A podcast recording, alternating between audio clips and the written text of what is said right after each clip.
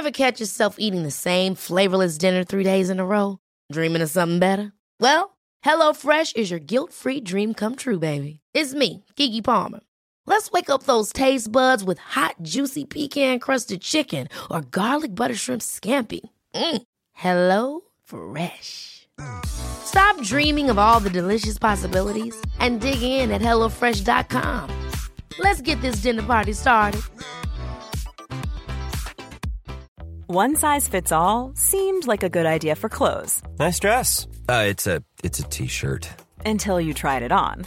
Same goes for your healthcare. That's why United Healthcare offers a variety of flexible, budget friendly coverage for medical, vision, dental, and more. So, whether you're between jobs, coming off a parent's plan, or even missed open enrollment, you can find the plan that fits you best. Find out more about United Healthcare coverage at uh1.com. That's uh1.com.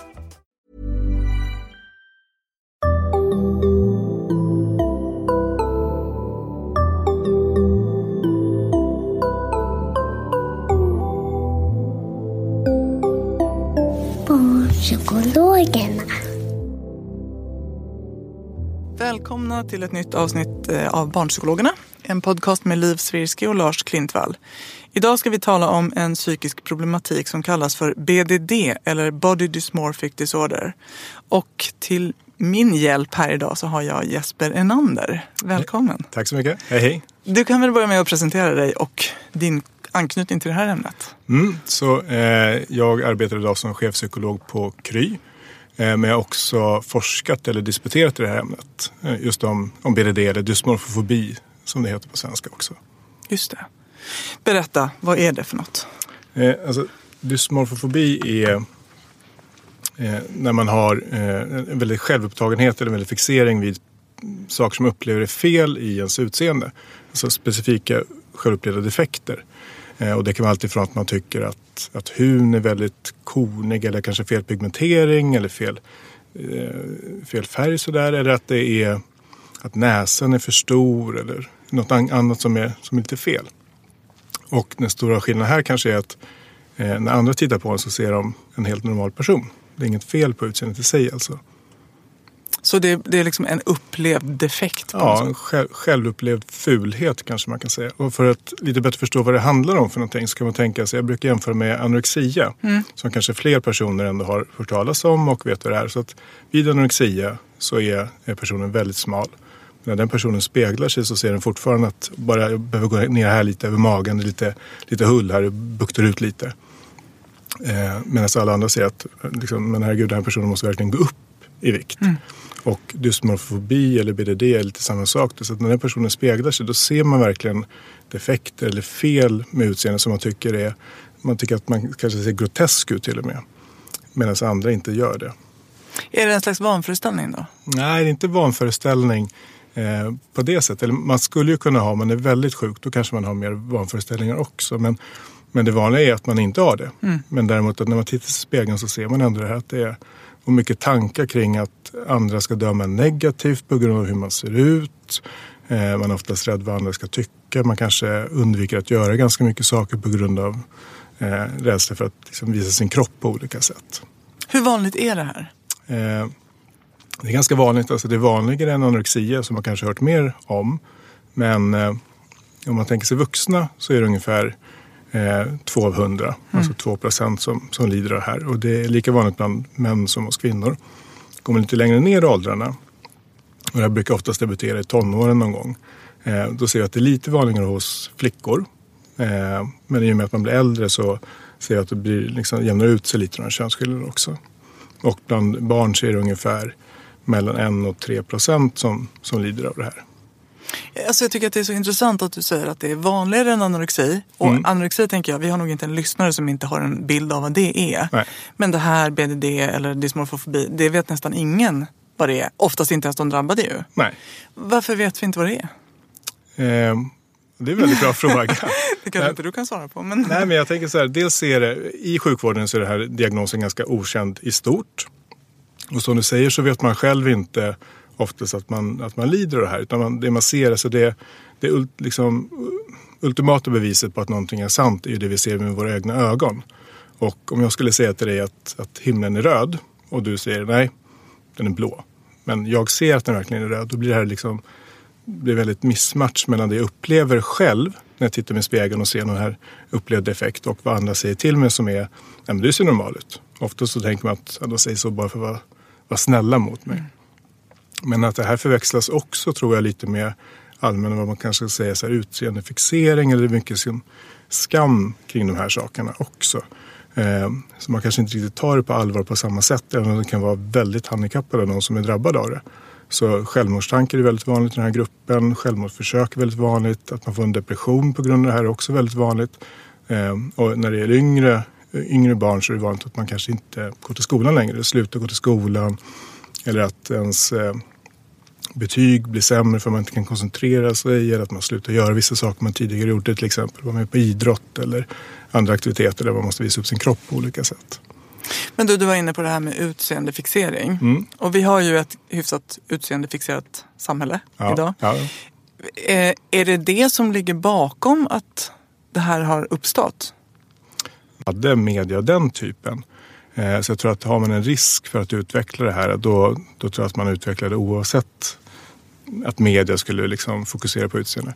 Det man däremot har sett är ju att eh, när vi använder Instagram eller Facebook till exempel att vi, vi jämför oss mycket mer. Och man har också sett att att jämföra sig med andra så får man faktiskt, alltså man mår sämre om sin egen kropp. Så jag tror att om man har en viss risk eller, liksom, eller skörhet inför det här så att då kanske sannolikheten ökar att man utvecklar men inte att det i sig skulle vara en, enbart en förklaring till det. Ehm, mm, och det man däremot har sett mer och det vi vet om varför man får det här. Så dels vet vi att det är till viss del spelar dina gener roll. Eh, som förklarar ungefär hälften av de här eh, besvären eller problematiken. Att vara väldigt orolig för sitt utseende. Och som förälder kan det också vara lite skönt att veta att Eh, när vi tittar och studerar det här då så är det så att, att föräldrars enskilda bidrag överlag spelar inte så stor roll. Alltså inte så mycket uppfostran eller vad man gör hemma utan det är lite genetik och sen så är det också det som barnet eller ungdomen eller den vuxna för den delen är med om själv. Eh, och det kan vara liksom eh, mobbning eller kamrater eller annat inflytande. Eh, men just så här, som förälder kan man ändå vara ganska lugn med att om man, är, ja, om man gör ett tillräckligt bra jobb så är man hyfsat som man brukar vara som förälder. Good enough. Så good enough. Då kommer man inte eh, ge sitt barn eh, BDD eller dysmorfofobi. Men däremot kan barnet ändå utveckla det. Ja, exakt. Men du, vad... ehm, när, när du har träffat personer som är drabbade, Mm. kan de beskriva att då startade det? Det var den där händelsen och sen startade det. Eller brukar det smyga sig på? Eh, för, för de flesta så brukar den smyga sig på. Det vill säga att man, eh, man, man märker av att man blir mer orolig för sitt utseende. Att man kanske börjar spegla sig mer. Att man kanske börjar söka mer eh, liksom återförsäkring eller kommentar från andra. Att man ser okej ut. Att man kanske börjar jämföra så mycket. Så oftast är det liksom att det smyger sig på skulle jag säga det vanligen. Att det bara är plötsligt sådär. Och sen så en del personer eh, säger ju också att man kanske minns att man blivit retad eller mobbad för sitt utseende på olika sätt och det kan ju också bidra. Men det kan också vara svårt att veta vad som är hönan och ägget där lite. För man skulle säga att, att man redan är, eh, alltså, har en viss risk för att utveckla det från början. Då kanske man tar det ännu mer åt sig om någon säger att men gud vilka, vilka stora fötter du har. Och sen så om jag inte skulle vara någon risk då skulle jag bara, ja men du och du har jättestor näsa. Och sen så går man vidare. Men om man har en risk för det och det här på något sätt blir viktigt. Då kanske man minns tillbaks och börjar fundera ännu mer på det här. Liksom, att det, man tar åt sig på ett annat sätt. Generellt så är det smygande att det kommer sakta och blir värre över tid. Hur, eh, du har varit inne på att man kan bli deprimerad och att det är ett stort lidande och så. Mm. Men det finns ju också lite, ehm, alltså de här lite typiska symptomen på något vis. Eller Som, som, Ja. Hur ser de ut? Beskrivs för de som inte Mm. har en aning. Nej. Precis, och det, det, det vanliga vid, vid BDD då, det är att man dels att man har liksom, oftast en eller flera upplevda defekter i utseendet. Och det till, exempel kan vara att man tycker näsan har fel form eller att den är för stor fast man har en, liksom en helt vanlig näsa. Andra saker som jag väldigt ofta är ju att man nästan på ett tvångsmässigt sätt kontrollerar sitt utseende. Och det kan vara alltifrån att man kanske tar på de kroppsdelar väldigt mycket som man upplever som fel till att man kanske googlar eller söker information på nätet väldigt mycket, jämför sig med andra. till att man speglar sig timtals. Så genomsnittstiden som en person med den här diagnosen speglar sig kanske tre timmar per dag. Eh, vilket är ganska mycket och då mer ett intensivt speglar. Man kanske har flera speglar, man tittar på sitt utseende i flera olika vinklar, i flera olika ljus. Eh, och en annan vanlig sak att göra är att just söka eh, att man vill ha plastikoperation eller vill träffa hudläkare för den här typen av besvär och få det korrigerat. Man vill ju rätta till det här som man upplever är fel, som egentligen inte är ett fel eftersom det sitter på insidan.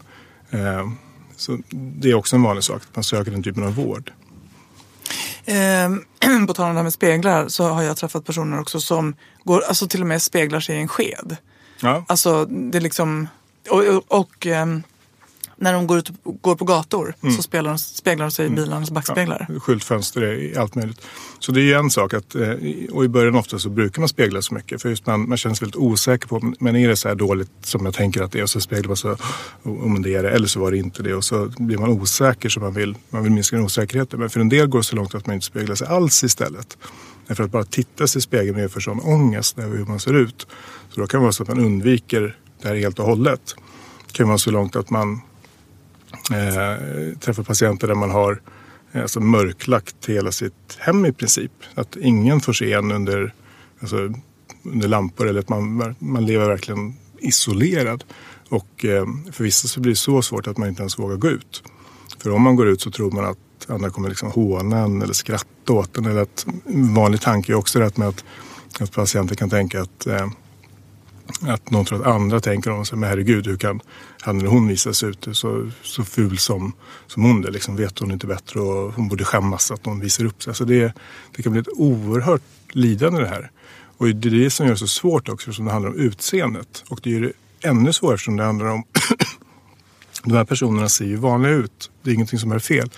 Och det här liksom så här, just den här clinchen mellan vad kommunicerar det kanske till sjukvård eller eller vänner, att man blir inte tagen på allvar. Och det är väldigt svårt också att förstå en annan person när det är, de ofta ser ganska bra ut en del av de här också. Mm.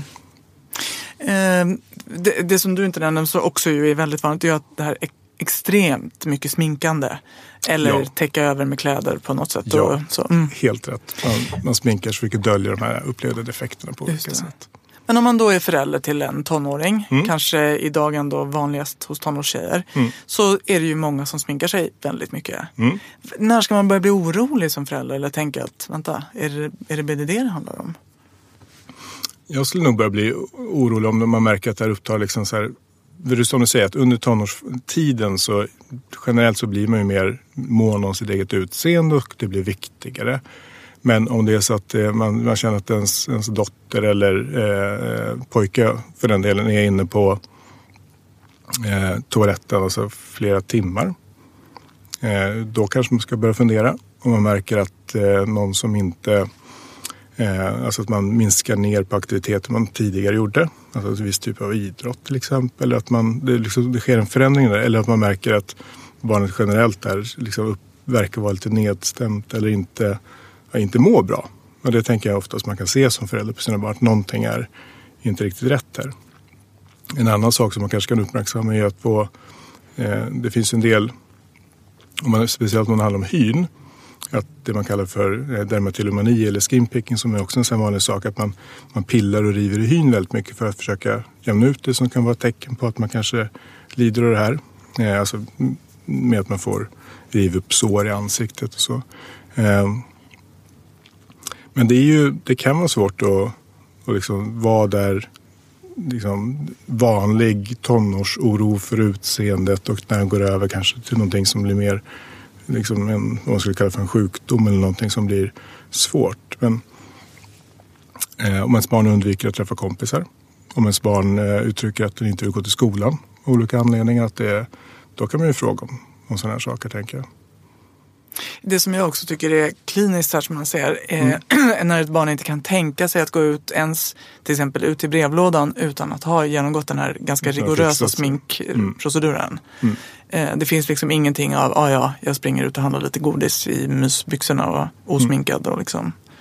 Um, um, det finns ju, alltså du har varit inne på ätstörningar. Mm. Om man vill dra gränser mot andra andra problem? Hur vet man att det inte är ätstörning? Hur vet man att det inte är social ångest? Kan, kan ju på sätt och vis likna, tänker jag, fast ändå inte. Du kan väl liksom förtydliga här, vad är skillnaden? Men eh, och det är väldigt knepigt. Det, det är knepigt att bedöma eh, det här även för de som är, liksom, arbetar med det här. Men jag tänker ätstörningar är ju framförallt att det handlar om vikt och mat oftast. Då.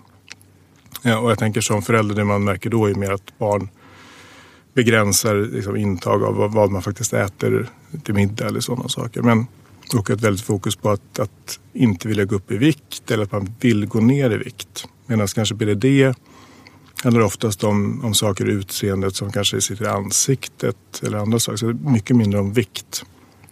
Och när det gäller mer social ångest, alltså att man är rädd för att hålla föreläsningar eller vara i centrum av uppmärksamhet så oftast är det mer inriktat på prestationen då. Man är rädd för att göra bort sig eller att det inte känns, ja, man är lite mer blyg. Åt det blyga hållet skulle man kunna säga. Medan personer med BDD kan ju också inte vilja ha den här presentationen i skolan. Men då är det mer av anledningen för att man inte vill synas eller att folk ska titta på ens utseende. Så egentligen för att förstå skillnaden så måste man fråga om de här sakerna. Alltså vad är anledningen till att det blir svårt att hålla en presentation i skolan? Är det på grund av att du är rädd att, att göra bort dig eller att andra ska se att du är nervös och tycker det är jobbigt? Eller är det på grund av att andra kommer att titta på dig och döma, att du tänker att de ska döma hur det ser ut? Så att man får nog bena det där lite mer genom frågor. Om man ställer just den sista frågan där då, till, till sitt barn. Är du rädd att de ska titta på dig och döma utifrån hur du ser ut? Får man ett ärligt svar? Eh, jag tror det beror på vilken relation man har med, med sina barn.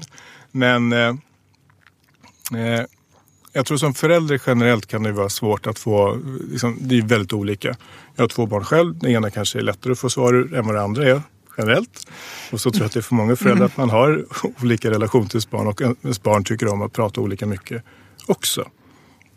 Men eh, eh, svårt att säga om man får ett ärligt svar, men jag tänker så att kanske. Det jag är lite inne på är till exempel att en del barn med tvångssyndrom eller OCD, de kan ju skämmas så mycket för det så att de inte, sä- alltså en, till och med om, om de blir konfronterade med en fråga, är det så att du är rädd för att ha något smittsamt på dina händer, är det därför du tvättar händerna så mycket? Så skulle de säga nej för att det är så skamligt att berätta. Ser man samma med, medan kanske ett barn med social ångest kanske faktiskt, nej jag är jätterädd för att göra bort men jag vill inte redovisa imorgon.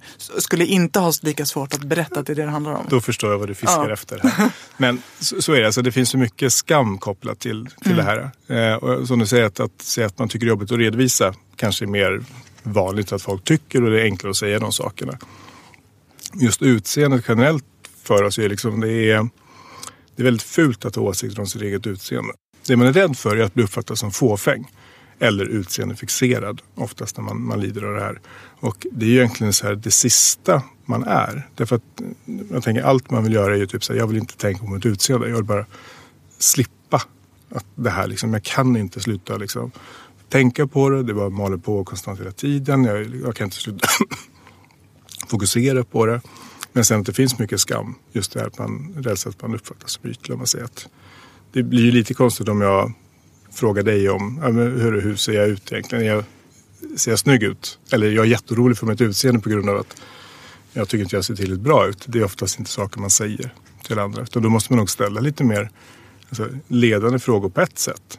I termer av att så här, men ibland kan man vara jätteorolig för sitt utseende. Speciellt när man är liksom, i tonåren eller man växer upp. Att det blir en stor sak. Eh, hur känner du för det? Är det, liksom, är det saker du är orolig för? Att, liksom, hur andra uppfattar dig eller hur du ser ut? Eller är du nöjd med hur du ser ut? Och då tänker jag ändå att man får oftast i alla fall ett, ett ganska ärligt svar tillbaks. Det som jag också har upplevt är, har varit skönt för många, det är att eh, få läsa om BDD och känna igen sig. Ehm, har, du, har du samma erfarenhet?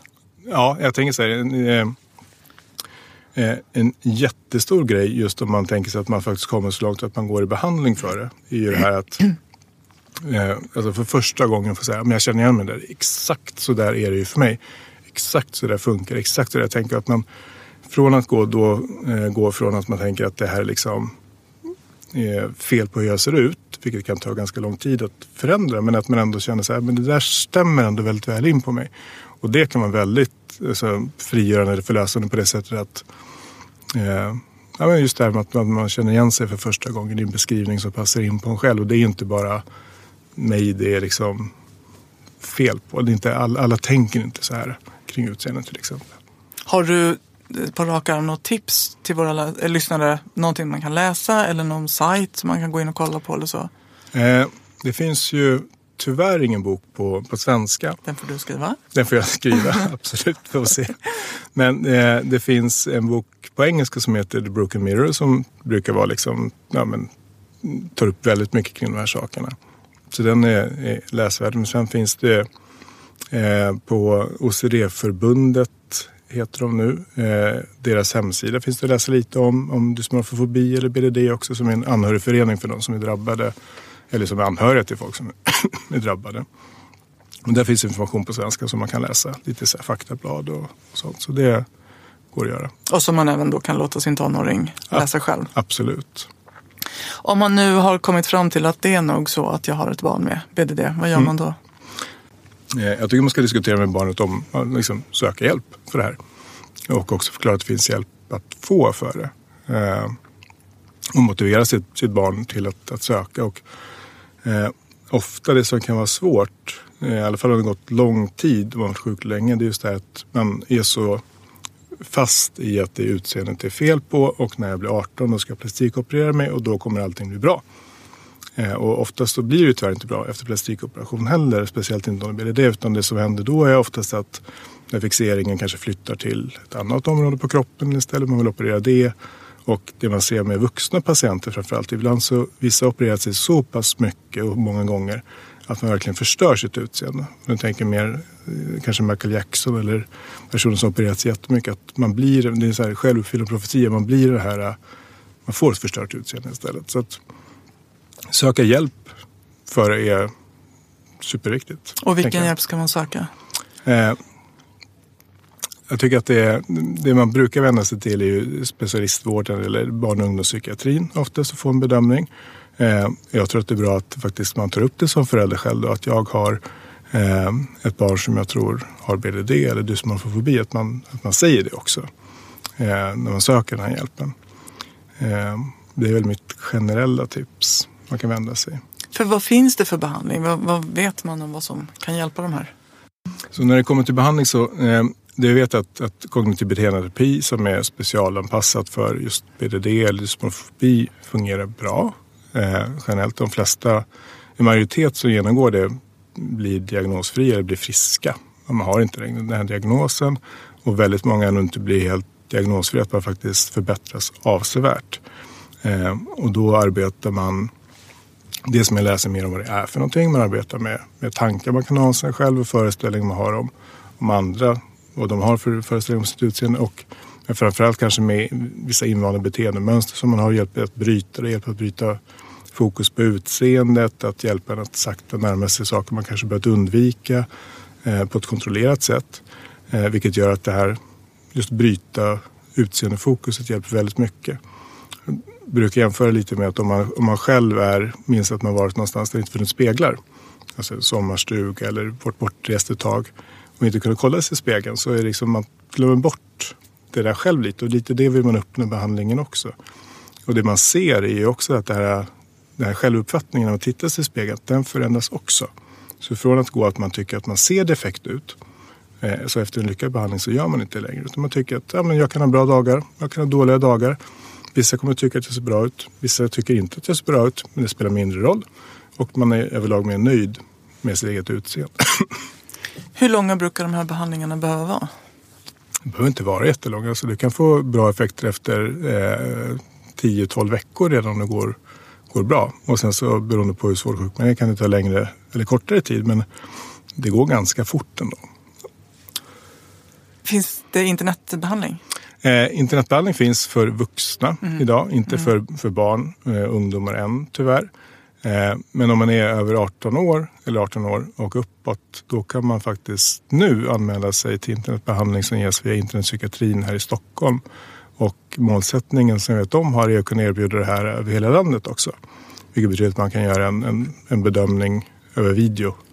Eh, och, så. och är man vuxen eh, för att göra lite reklam för Kry också så får går det faktiskt att vända sig till, till psykologerna som jobbar på Kry med den här typen av besvär också. Och då får man hjälp ganska snabbt. Ehm, du sa att väldigt många blir diagnosfria. Ehm, håller det över tid eller finns det en risk att man trillar dit igen? Nej, så väldigt få. När vi tittar på det här när vi gjort internetbehandlingsstudien i alla fall. Eh, då har vi följt de här personerna i två års tid. Det vill säga då att det är väldigt få som blir sjuka igen. Utan det vi snarare ser är motsatsen. Det vill säga att det är fler som fortsätter att förbättras under den här perioden. Och lite det att man lär sig, eh, alltså lär sig nya metoder eller verktyg att handskas med de här sakerna. Och bara för att terapin är slut så betyder inte det att man slutar och är klar utan man fortsätter arbeta med sig själv på olika sätt. Så det vi ser att faktiskt fler blir, mår bättre och blir friska och att de här effekterna håller i sig åtminstone i två års tid efter avslutad terapin. Så att, skulle jag säga att man, man faller inte tillbaks alls när man väl har lyckats komma ur det. Om du, du var inne på det här med plastikkirurgi. Om, du fick, eh, om vi har lite läkare som lyssnar, kanske en och annan plastikkirurg. Ja. Eh, vad- skulle du ge för råd? Vad ska man tänka som läkare när de här patienterna kommer? Känner man igen dem? Eh, jag tror som plastikkirurg att du känner igen de som är allra svårast sjuka. Eh, jag tror att man missar väldigt många som, om man inte frågar aktivt och det här själv. Och jag tänker så här, eh, de plastikkirurger jag har pratat med, oftast de upptäcker det efteråt de har opererat. Det vill säga det är patienter som kommer tillbaks, som är missnöjda med operationen på olika sätt, som vill ha att de, den är korrigerad och att det snarare blir en väldigt svår patient att ha att göra med, så man blir missnöjd eh, med ingreppet. Eh, men jag tror också att man frågar för lite som plastikkirurg om de här sakerna kanske. Men det där är också svårt eftersom estetisk plastikkirurgi är privat och du betalar för det själv och det är fortfarande en kund som vill få någonting utfört så att säga. Eh, men det vi ser från generellt så verkar det i alla fall vara så att, att plastikkirurgi, om du har fler defekter som du oroar dig för i utseendet så hjälper inte plastikkirurgi med att faktiskt bli av med BDD eller att du att må bättre över sig själv utan du flyttar i fokus eller att du kanske till och med förvärras. Så väldigt få blir bättre av det här. Däremot kan man tänka sig kanske om det är en enstaka defekt som kanske är alltså, lite synlig men ingenting man skulle tänka på alls. För de kanske kan, skulle kanske kunna fungera. Men den, tänker jag, så den bedömningen är viktig. Jag skulle verkligen rekommendera alla som överväger plastikkirurgi om man känner att det här är någonting som ändå är så här, jag är inte nöjd med mitt utseende, jag är väldigt mån om vad andra tycker om mig. Och det är därför jag vill göra den här kirurgin och förändra mitt utseende. Inte på grund av att ah, jag vill göra det här och vad jag tycker och vad andra tycker eller vad andra tänker. Och det spelar inte så stor roll. Men är man lite mer så här mån om andra tycker, kanske har fler saker man upplever som defekta fast man får höra från andra att ah, men du ser helt okej ut, du behöver inte göra kirurgi, du, du ser ju bättre ut än vad jag gör då kanske man ska här, överväga. Då tänker jag så här, kort konsultation med en psykolog innan de här sakerna kanske kan vara en god idé. Just det, det är ett bra tips. Ja. Eh, så om man ska sammanfatta, om jag ska ge mig på ett försök i alla fall, det du har sagt. Eh, om man som förälder har en, ett barn som ägnar väldigt mycket tid åt sitt utseende eh, och börjar undvika saker, börjar dra sig tillbaks, börjar vara mindre eh, ja, men göra mindre av det som förut var roligt så kan man börja misstänka att det kanske rör sig om det här och då kan det vara klokt att faktiskt konfrontera. Ja. Eh, men också kanske ge barnen någonting, någonting att läsa själv och se, känner du igen dig i det här? Ja.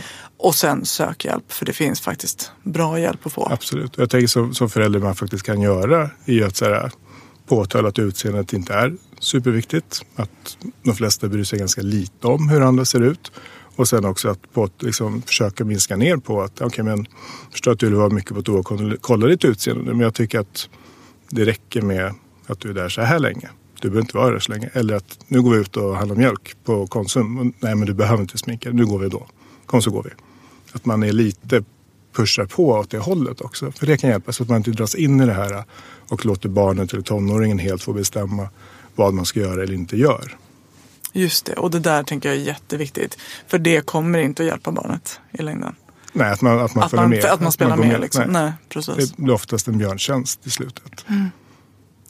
Eh, jag låter det vara slutorden. Eh, jag tänker att du har sagt jättemycket spännande saker. Jag hoppas att ni som lyssnar är lika eh, tillfredsställda på ny, i nyfikenheten som jag är. För jag tycker det var jätteintressant. Eh, tack Jesper för att du kom hit till oss Tack så idag. mycket för att jag fick komma. Och tack ni som har lyssnat. Ett nytt avsnitt kommer snart och tills dess följ oss på Facebook, Barnpsykologerna, eller på Instagram där vi heter Barnpsykologerna understreckade podd. Hej då!